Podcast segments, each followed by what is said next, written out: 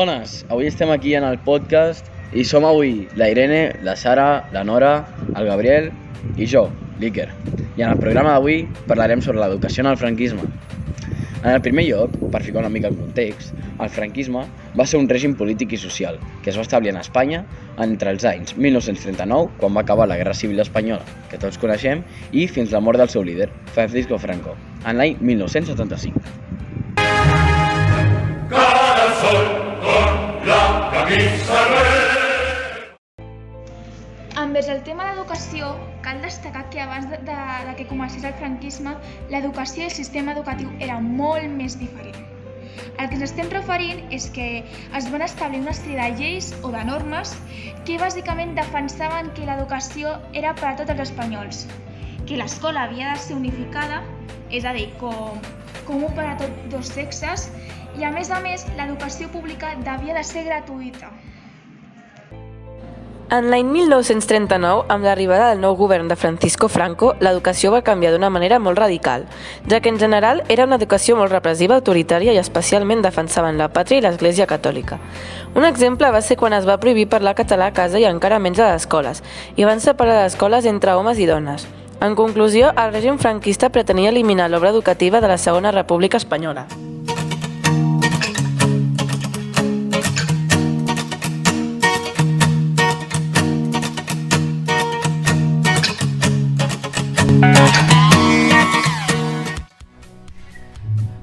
Hola, bon dia. Estem a la ràdio Vedruna Gràcia i avui entrevistarem a la Carme Oriol, ex eh, professora d'aquesta escola, Vedruna Gràcia.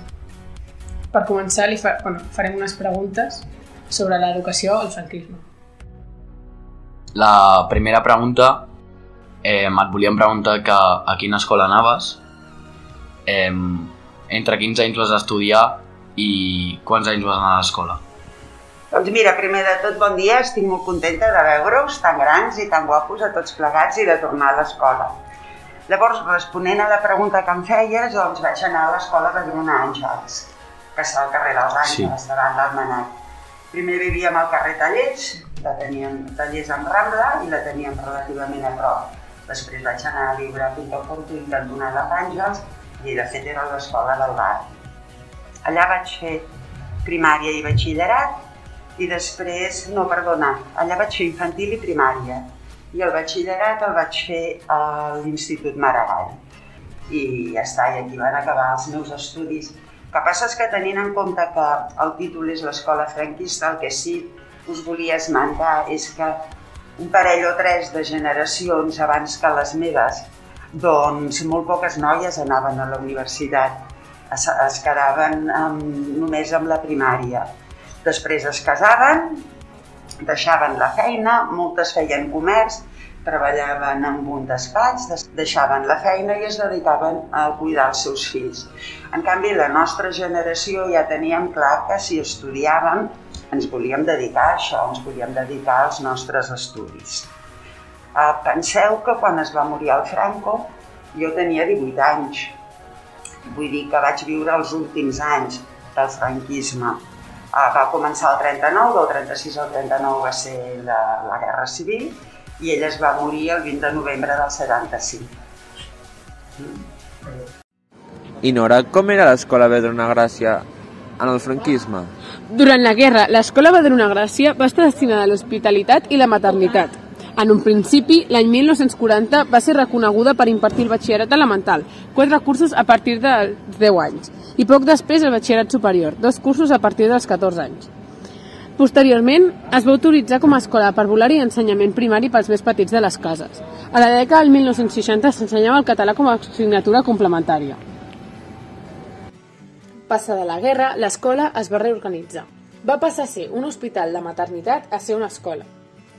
Um, en aquelles dècades de precarietat i barraquisme, les alumnes grans, de manera totalment voluntària, acompanyades per les germanes, anaven els diumenges a donar un ensenyament als nens de les barraques de Francisco Alegre, que actualment és a tocar de plaça Sant Lleí.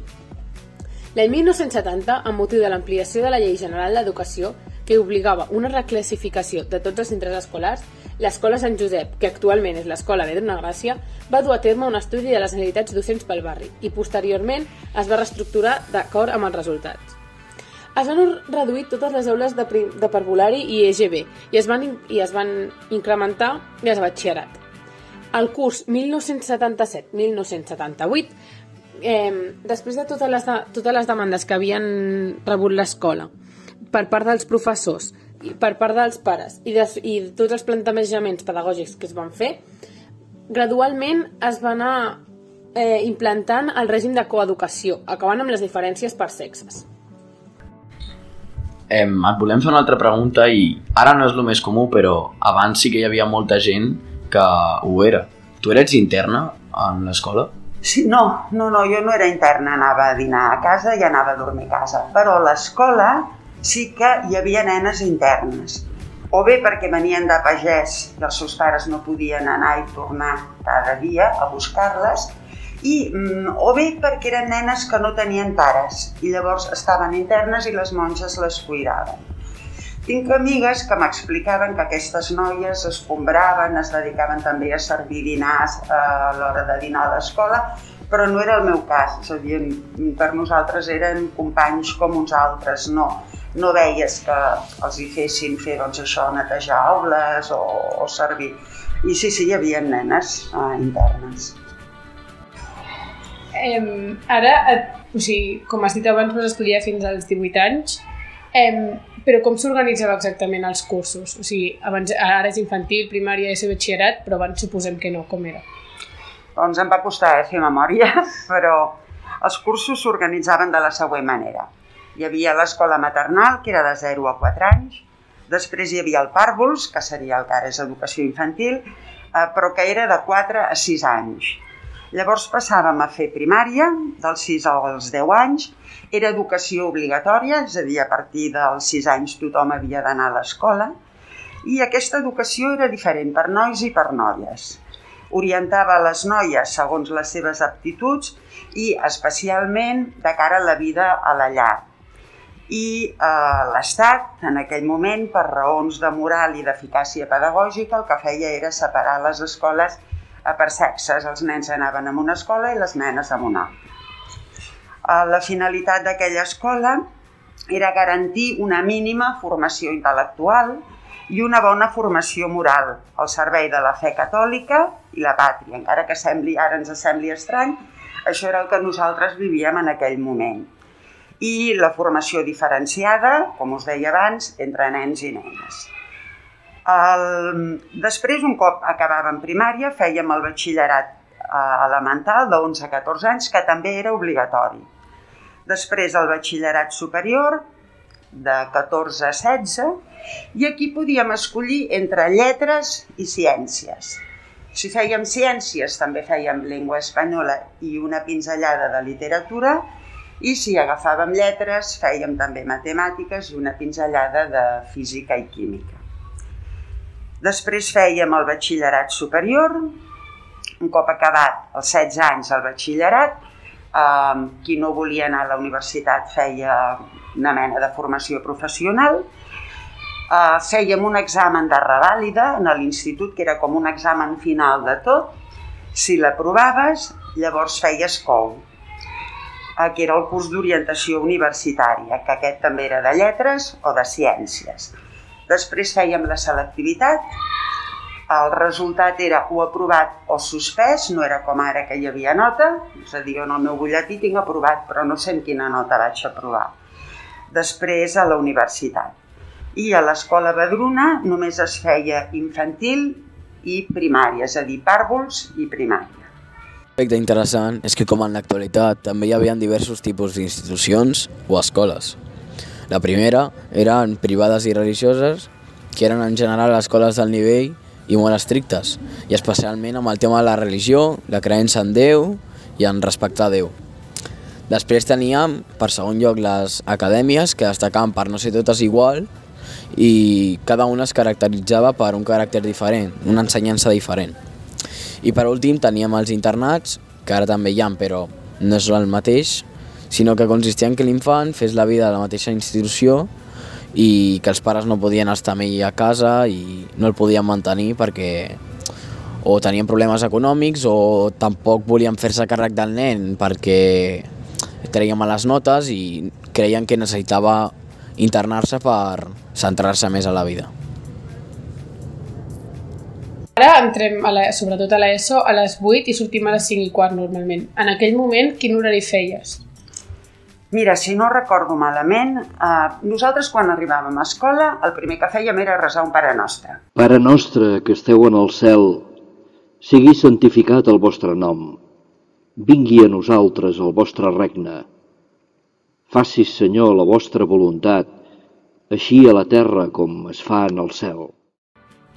Llavors, entrava la mestra, eren les 9 del matí, ens aixecàvem, la mestra ens deia, podeu sentar-vos. Sèiem i començàvem les classes.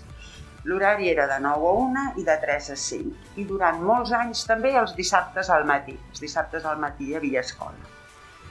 Llavors, les assignatures que fèiem a primària eren geografia i història, però només a Espanya, a matemàtiques, francès, llavors no es feia l'anglès, jo l'anglès el vaig començar a l'institut. Llengua castellana, religió, però no entesa com ara, ara nosaltres fem cultura religiosa. Llavors només s'estudiava la religió catòlica i a més a més era presentada com la única religió i la verdadera, de manera que érem una mica intolerants vers les altres religions. A l'escola hi havia també una capella petitona i en dates assenyalades anàvem a missa. Fèiem també costura, fèiem la canastilla, és a dir, cosíem pitets, vestidets, coixins, llençols i ens ensenyaven a fer punt de creu, punt, uh, no sé, uh, punt de batilla, punt de cadeneta, i llavors tota aquesta roba que fèiem ens deien que anava a parar pels nens pobres, és a dir, per les famílies que no podien comprar roba pels nens petits. També fèiem gimnàstica, la mestra era de la secció femenina en aquella època i diguem-ne que tenien com una mica de mal gènit, eren, eren molt rígides. Fèiem també la formació de l'esperit nacional, el que nosaltres dèiem fent, Uh, I la seva missió era aconseguir que tots nosaltres interioritzéssim un esperit nacional fort i instal·lar en cadascú de nosaltres orgull per la nostra pàtria, evidentment per Espanya. La pàtria era presentada com la mare comú, per tant, tots els espanyols érem com una gran família.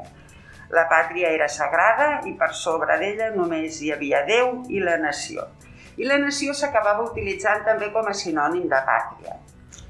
Espanya era, ens deien, eh, en, aquella època, en aquella època, sola, grande i una. Llavors la trilogia Pàtria, Nació i Estat estaven associades en aquesta assignatura, en la de formació de l'esperit nacional, a l'exigència de, submis, de submissió, obediència i lleialtat cap a elles tres i estan personificades en la figura de Francisco Franco. I que ara sembla una miqueta estrany, però això era el que nosaltres vivíem cada dia, no només a l'escola, sinó en l'àmbit social també. Si en algun moment una persona tenia algun comportament inadequat o es portava malament, quin, quina era la sanció? Aviam, a l'escola, eh, quan ens portàvem malament, ens feien copiar, per exemple, no hablaré en classe, no hablaré en classe, no hablaré en classe, al millor com unes 100 vegades. Uh, I a més a més amb bona lletra, perquè si no ho feies amb bona lletra t'ho tatxaven i havies de tornar a començar. El meu cunyat, per exemple, sempre explica que li feien posar així la mà tancada amb els dits amunt i amb un regle els pagaven o que els feien estar de cara a la paret amb els braços alçats una estona. En el nostre cas, jo càstig, càstigs físics no vaig rebre mai, Aviam, bronca sí i copiar també, però físics mai. mai.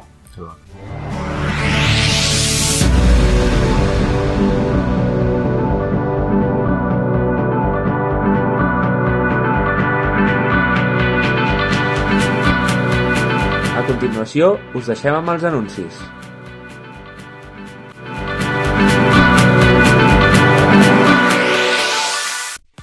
Un dia ens vam adonar que hi ha coses més importants que treballar amb els millors ingredients. Més importants que fer servir la mateixa tècnica durant segles. O que aconseguir un sabor únic innovant amb l'Albert Adrià. Un dia ens vam adonar que estar junts per compartir el Nadal és el que importa de debò. Des de 1775, Torrons Vicenç, el torró, torró.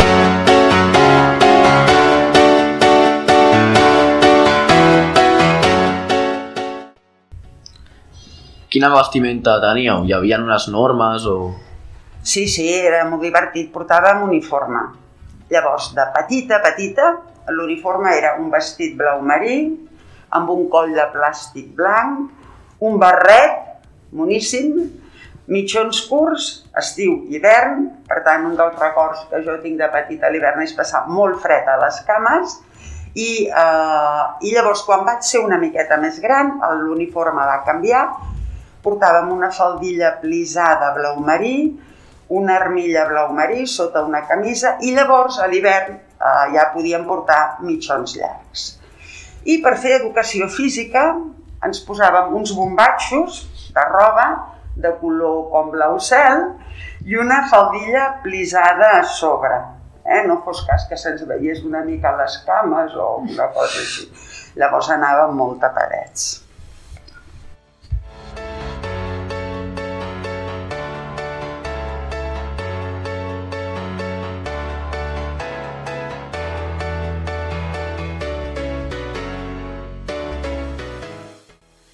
El sistema educatiu franquista.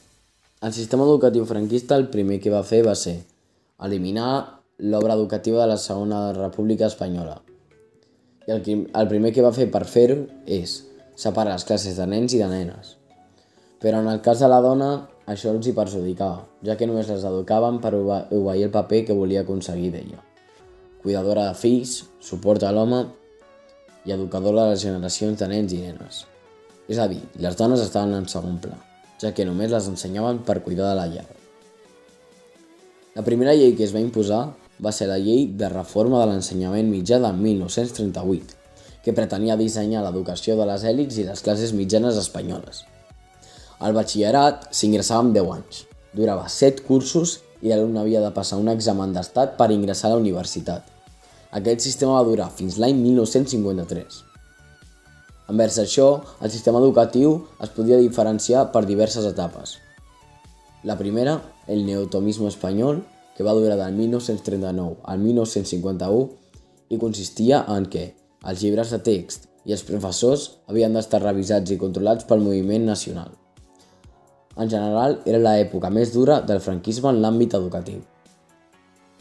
Una llei important d'aquesta etapa va ser la llei de l'ensenyament primari de l'any 1945 que bàsicament consistia en que el nivell de la primària és dividida en dues etapes. La general, dels 6 als 10 anys, i una més especial, dels 10 als 12. Això va suposar que hi hauria alumnes que amb 10 anys, en acabar l'etapa general, passarien al batxillerat, mentre que altres cursarien l'etapa especial per acabar la seva vida escolar i començar el mercat laboral. També van establir que hi hauria tres tipus d'escoles, les públiques nacionals, les de l'Església i les privades. En segon lloc tenim l'Intento Renovador, que va durar de l'any 1951 a l'any 1956. I això consisteix en que hi ha una petita modernització en els plans d'ensenyament, però el paper de l'Església era intocable. La primera disposició d'aquesta nova etapa va ser la llei sobre l'ordenació de l'ensenyament mitjà del 1953. Aquesta llei pretenia una formació acadèmica millor dels alumnes, per accedir a aquest nivell educatiu mitjà calia passar una prova d'ingrés, que consistia en dues etapes o batxillerats. Primer hi havia l'elemental de 4 cursos, que l'alumne no podia començar abans dels 10 anys, i després hi havia el superior de dos cursos, per al qual l'alumne havia de tenir 14 anys. La tercera i última etapa va durar d'entre l'any 1956 fins l'any 1970 van començar a haver-hi les primeres manifestacions universitàries per la falta de llibertat d'expressió. Volien una renovació de l'educació i criticaven les etapes educatives que no estaven connectades. I finalment es va crear la Llei General d'Educació, a l'any 1970, que després hi parlarem amb més detall. La relació entre mestre i alumne era tan propera com ara o era molt distant? Aviam, depenia del professor però en general era freda i autoritària. És a dir, com us deia abans, quan un professor entrava a classe, tots ens aixecàvem i no sèiem fins que, fins que ells ens deien seieu, no? i això ho fèiem en senyal de respecte. Era un autoritarisme en oposició a qualsevol innovació pedagògica, i no només a l'escola, sinó, com us deia abans, en tots els àmbits de la vida. Les instal·lacions de l'escola eren molt diferents a les que podríem entendre per les actuals? Sí, sí, no, no tenien res a veure. Aviam, les classes eren, les recordo, molt grans i molt espaioses, el pati també, però al final del pati hi havia un galliner. Allà tenien gallines i conills i nosaltres anàvem a jugar amb les gallines i els conills. Imagineu-vos lo brut que devia estar tot allò, però anàvem a jugar allà. I llavors hi havia també uns safarejos, però grans com aquesta habitació. Hi havia tres safarejos on les monges rentaven la roba, que ens cobrien, però en canvi nosaltres anàvem a jugar allà i ens ruixàvem i tampoc no recordo mai que ningú ens hagués renyat. Imagineu-vos, això actualment a nivell de seguretat seria impensable. Per tant, diguem-ne que era, era una escola com a molt familiar i on doncs no es tenia en compte el perill que podia representar tenir unes gallines en el pati o tenir, tenir uns safarejos per rentar. Hi havia alguna representació d'Espanya de, a les classes o de sí, la religió? Sí, sí, és a dir, totes les, a l'entrada de l'escola hi havia la creu, una fotografia del Franco i una fotografia del José Antonio Primo de Rivera, que va ser el fundador de la Falange. I llavors a cada classe hi havia la creu i la fotografia del Franco. Això ho recordo perfectament.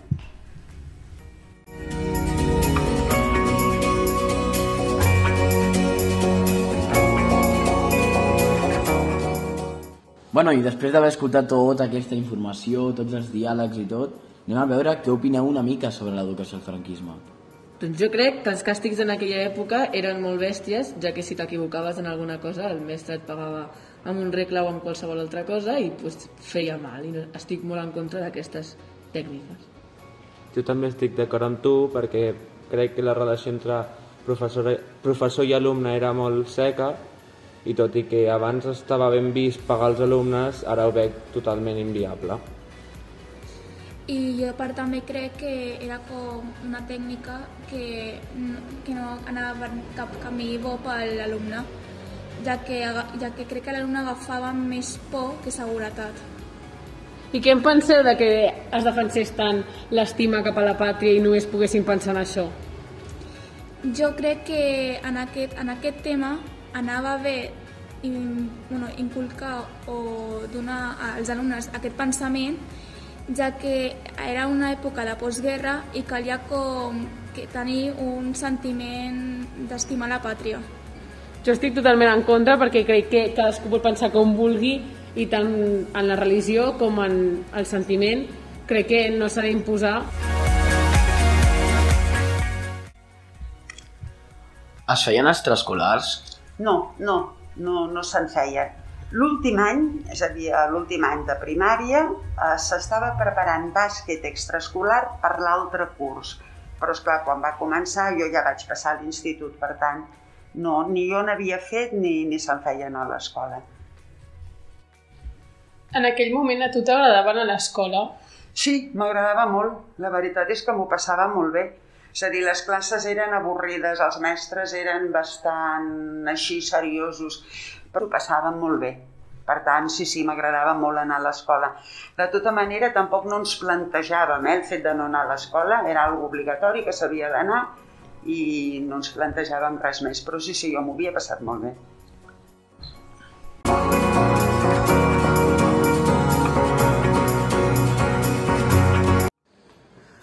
Bueno, i ara després d'haver escoltat l'entrevista, anem a veure el que estem a favor i el que estem en contra i sobretot el que més ens ha sorprès. A mi el que més m'ha sorprès és que anessin tot l'any amb mitjons curts i faldilla perquè a l'hivern amb el fred que devia fer havia de ser molt incòmode a mi personalment em va sorprendre molt que tinguessin que anar a classe els dissabtes pel matí, ja que, ja que per nosaltres actualment és molt estrany veure-ho.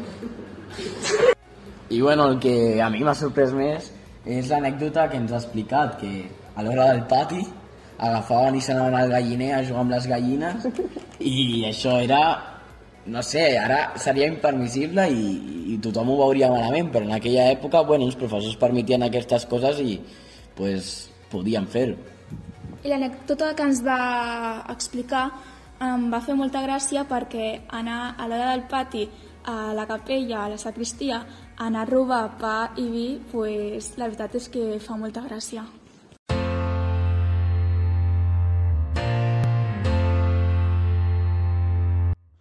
El següent punt que comentarem serà la Llei General d'Educació. L'any 1970 es va establir aquesta nova llei que bàsicament va canviar el sistema educatiu de l'època d'una forma bestial. És a dir, va ser com una actualització o modernització de la societat i de l'educació. Fou impulsada pel, pel ministre José Luis Villar Palací i va, i va durar entre els anys 1970 i 1990. El sistema educatiu va passar a tenir els següents quatre nivells o etapes. Primer estava l'època preescolar, que es podia diferenciar per dues èpoques o períodes. Primer estava el jardí d'infància, que durava entre els 2 i els 3 anys, i després estava el parvulari, que durava entre els 4 i els 5 anys. Posteriorment s'acceïa a l'educació general bàsica o EGB o EGB i s'acceïa amb els 6 anys. El, la EGB es, es costava de 8 cursos que també es podien separar per dos períodes. El primer període era, durava del primer fins al cinquè curs i el segon període del sisè fins al vuitè curs i finalitzava als 14 anys.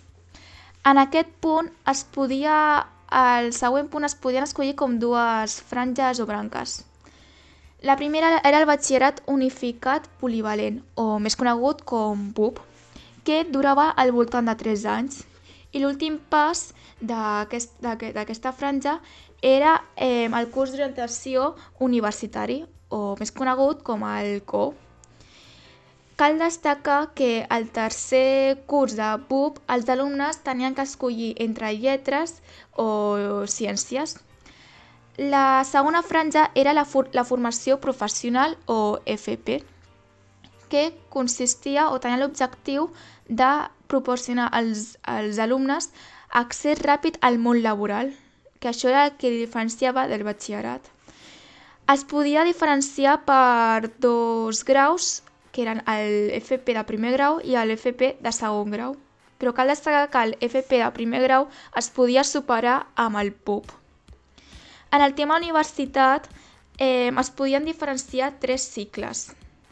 El primer cicle durava 3 anys, el segon cicle eh, durava 2 anys i el tercer cicle era per com una especialització concreta de cap a on volies dirigir en el futur. Com a curiositats, podem destacar que tots els alumnes d'entre 6 a 14 anys, és a dir, l'època de l'EGB, tenien dret a l'escolarització, sense cap discriminació. Es tenia molt en compte eh, si, com l'aprenentatge del nen i nena per si mateix, és a dir, l'interès i les capacitats de cadascun d'ells. També hi havia, com he comentat abans, preocupació per establir relacions entre el sistema educatiu i el món laboral, en el sentit que l'educació prepari pel treball, que era l'objectiu de la formació professional. I la configuració d'un sistema educatiu centralitzat, és a dir, que tenia que durar a terme una, uni una uniformitat de l'ensenyament, com una, unes èpoques concretes. I per últim, Um, ens podries explicar alguna anècdota de l'escola amb les teves companyes o... Mira, una cosa que m'ha cridat, que jo recordo i m'ha cridat, cridat molt l'atenció és que a l'escola teníem una capella i darrere la capella hi havia la sagristia i allà hi havia el vi de missa, que era vi bo, era vi moscatell i ens escapàvem a l'hora del pati per, per beure el vi. Una altra cosa que també recordo és que a l'escola de Gruna hi havia la part de baix era escola i a la part de dalt hi havia les monges. Llavors, quan et trobaves malament, et pujaven amb una saleta que tenien, et cuidaven molt, la veritat és que sempre m'hi havia sentit molt estimada, i et donaven aigua del Carme, que és alcohol pur. És a dir, en una escola, no només lo de les gallines que us he dit abans i lo dels safrejos, sinó que hi havia vi, eh, bueno, que tothom podia anar i podia beure, i a més a més quan et trobaves malament et donaven aigua del Carme, no? Vull dir que, que era una escola eh, molt diferent, molt diferent a la que... És a dir, ara es fa una escola i es mira per la seguretat dels alumnes. Abans no. És a dir, abans anaves a escola, doncs anaves a escola, fos com fos.